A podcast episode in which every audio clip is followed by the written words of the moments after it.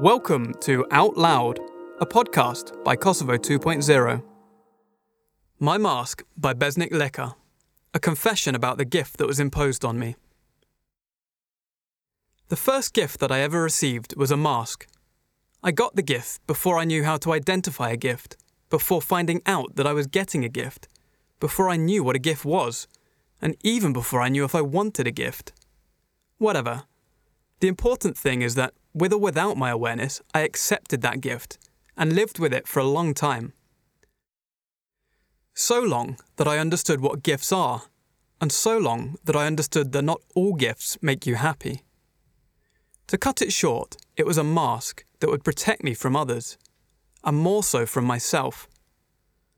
My birthday is not on the same day as Halloween, and even if it was, I'm sure Halloween is not a date so popular as to merit such a ceremony.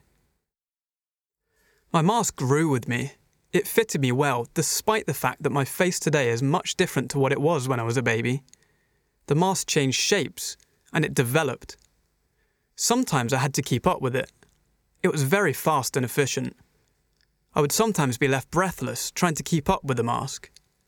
So we developed an odd connection. First, it grew with me, then I grew with it.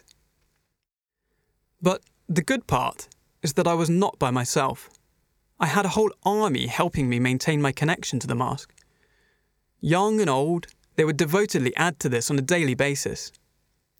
With time, I found out that the mask represented an important symbol of heritage. It was passed on from my father, grandfather, great grandfather, and everyone who was born before me.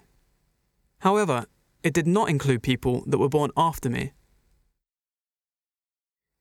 Even with friends I started to make, the mask was the first thing we had in common. Even my girlfriends had their masks, although they were completely different from mine. At some point during my coexistence with my mask, I found out that I did not have the time to deal with the masks of my girlfriends because all the work I had to put in caring for my own mask simply took too much time and dedication. The mask is no joke. The mask was a part of me for a very long time, so long that our eventual separation was terrible, painful, so painful that I felt naked, even when I had clothes on. The mask left me badly. It was such a long time that I did not know myself without it. I did not know the person that was looking at me in the mirror. So long that when I took it off, we met and greeted each other with a cold and mumbled, It was good knowing you. Separating from the mask. I had to keep that poor thing. Not because it was lonely, but poor because it devastated for so long. Wherever I went, at home, when I ate, when I watched TV, when I spoke with my sisters and parents, when I spoke with my neighbours, when our relatives visited, when I lay down, when I wanted to drink water, when I wanted to eat, when I had to open the door, when I had to greet the person who knocked on the door, when I had to carry wood six floors up, when my parents would buy me toys or clothes, when I played with my friends in the neighbourhood, when I fell down. Yes, even when I fell down and was struck by pain, I was praying for that tear not to come out. That tear that so desperately needed to come out, but not in front of my friends. Tears and grimaces were most harmful to the shape of my mask, and this was most unacceptable. I remember when the same happened to a friend of mine a few days earlier. He fell down very badly. He felt so much pain and shouted so much that he cracked his mask to pieces. What a friend he was to us. And although none of us fell down or felt pain, for two months straight he gave us sufficient material to mock him to the point of forcing him to stay indoors for quite a while. The mask needed time to recuperate and get its form back. Anyway, let's get back to when I fell down. It was the biggest shame that a person could experience, at the time at least. I swallowed the tears and the pain. I even mustered up the power to joke about it somehow, about the pain and how I fell down. But I couldn't. It was bigger than my ability to deceive. My teeth were cracking as I was clenching my jaw so hard, just so I wouldn't let out a sound.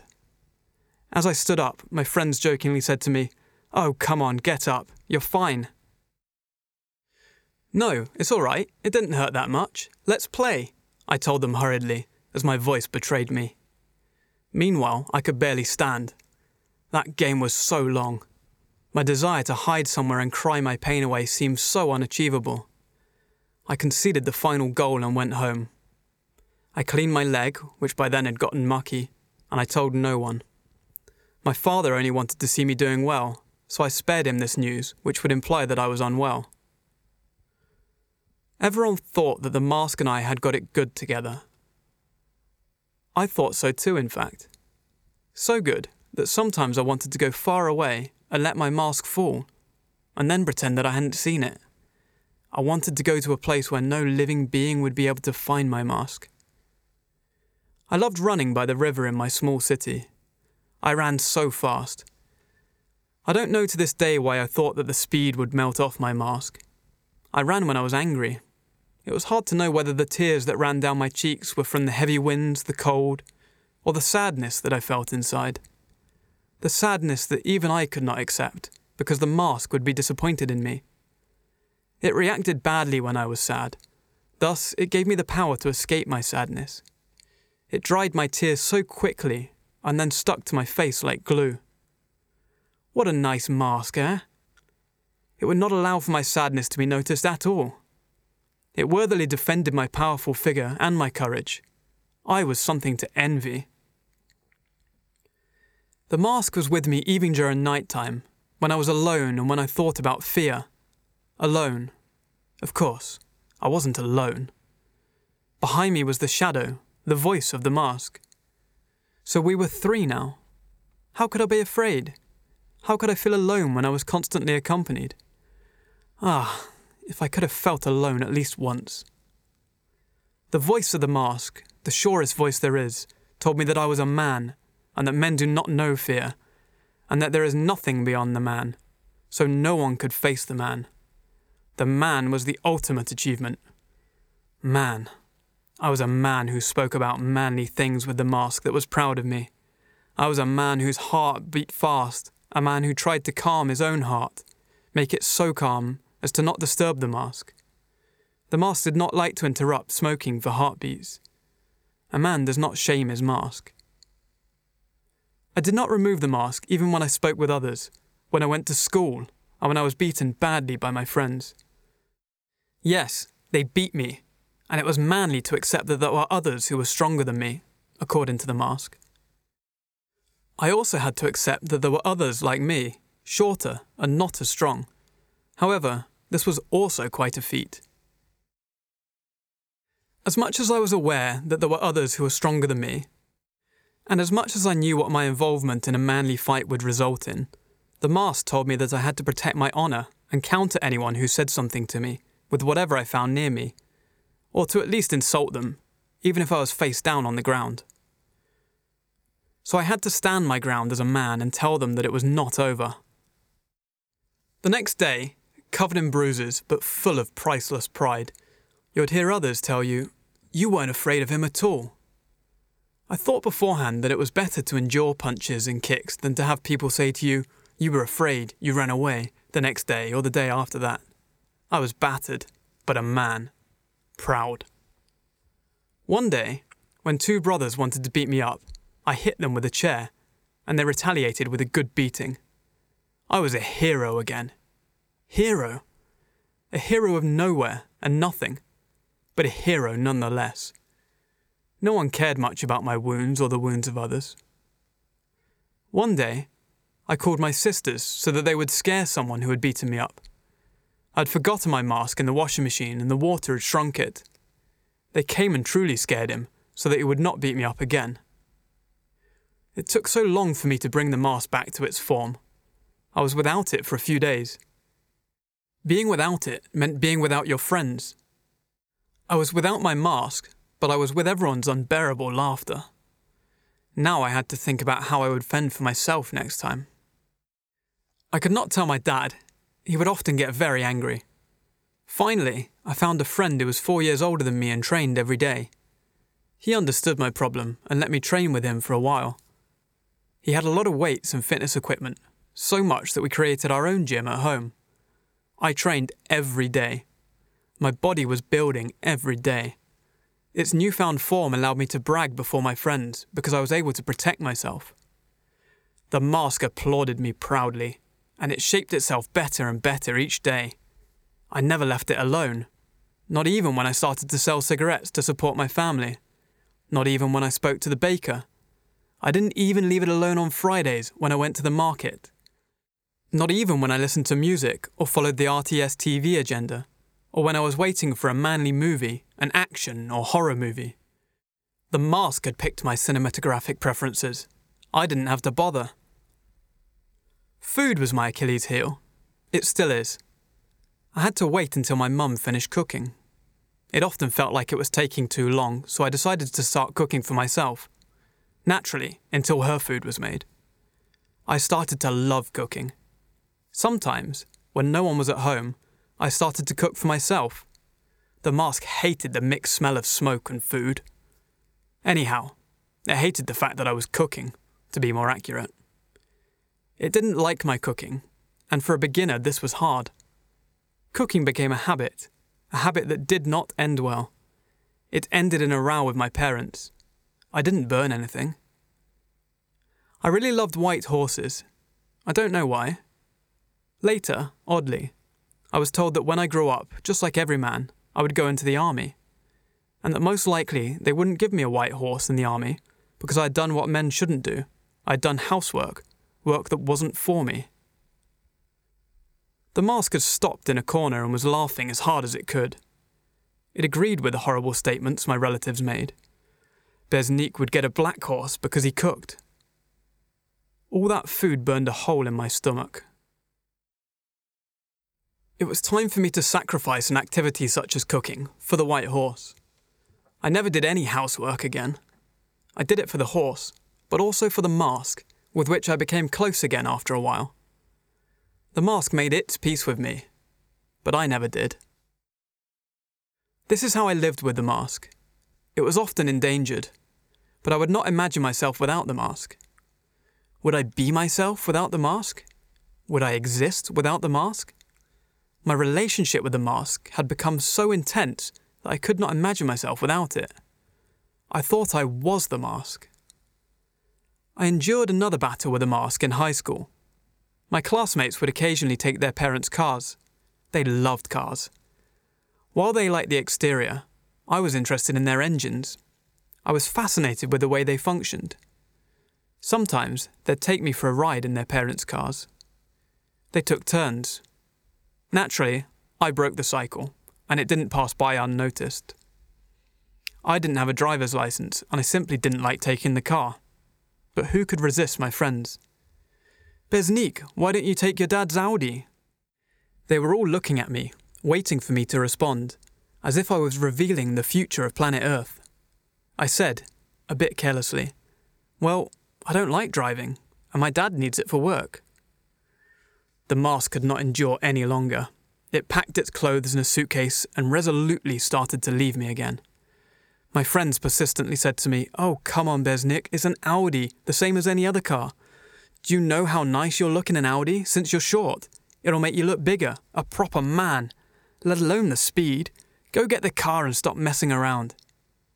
I took the car, took them to school, and me and the mask escaped unscathed. The mask didn't leave me even after I finished high school and everyone started to guide me towards a better future. They gave me options when I was thinking about my future career, when I thought about creating a family. They told me how I should continue to preserve my manhood, how many children I should have, how I should control my wife. The future was not a liberating vision for me. I struggled to breathe any time I thought about it. I had to go down that path together with my mask.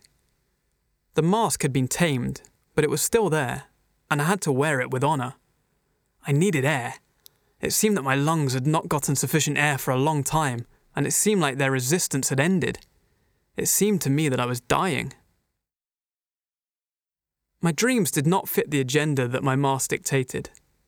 I started started to doubt my mask's ability to define what's good and bad for me. I started university. I had to cook for myself, care for myself, clean up after myself. I had to understand how tiring it is for my mother and sisters, the girls that were there to serve us, the disciples of the masks, the ones that are blindly in love with their masks, Love. Yes, I had started to love. I know I mentioned this word too late. Love. I still feel like shouting this word out because I haven't said it enough until now. I knew that men had to marry because it was an obligation for them, whereas love was for girls. We had a lot of work to do. We had the future. We had obligations to provide for the family because women couldn't provide for the family because they had other duties. So, to put it briefly, love wasn't for men that had masks. We did not have time for this palaver. But men or no men, I fell in love. Is love a feeling made for men? I started to fear. Fear. A new feeling. I'll admit, it was an old feeling, but it was so suppressed that at some point I had convinced myself that it did not exist. This damn fear turned out to be problematic. After it came sadness. I became so sad that I cried. I had so many tears built up inside, I cried so much. I cried for the whole time that my spirit had cried. I no longer hated everything around me, and I no longer had the curtain of man before me. I started to love everything. I became a kid again, or better yet, at the age of 20, I experienced a late childhood, and everything looked beautiful. Beautiful. That word isn't for men either. Men could say nice or not bad. That was not all my mask started to reek. It never ran away. Tears, sweat, joy, love, ire, and guilt were toxic material for the mask. The mask broke, and as Cohen said, light started to enter through the cracks. I never thought that I would feel so much joy as a result of something breaking. Now I had the chance to dictate my own actions, feelings, and behaviour. I was liberated. I was born without a mask. Then, as they were claiming to do me good, people tried to put my mask back on when I was 20. They could not handle me without my mask. The mask, which would protect me from myself, pushed me away from myself. Now, without a mask, naturally I still had to pay a price and endure a punishment. The mask's final attempt, its final words, were gay, woman, weak, loser. But they were the final words of a creature that had no real chance of survival so I didn't laugh at it. I simply let it go in peace. That peace was my manhood, because my manhood is peaceful. My manhood does not coexist with privileges that were given to us just because we are men. My manhood is not coexistence with violence. My manhood is not being a spectator. My manhood is action and conscience. My manhood knows love and feels it all the way up to the sky. My manhood knows love and exerts itself for it. It knows equality and engages itself for it. Because this is the manhood that I have chosen, not the one my mask has chosen. At the end of the day, we are much more than just a handful of privileged people who never live beyond orders. To listen to all of our podcasts, subscribe to Kosovo 2.0 in Apple Podcasts, Google Podcasts, or your favourite podcast app. Find more stories at www.kosovo2.0.com.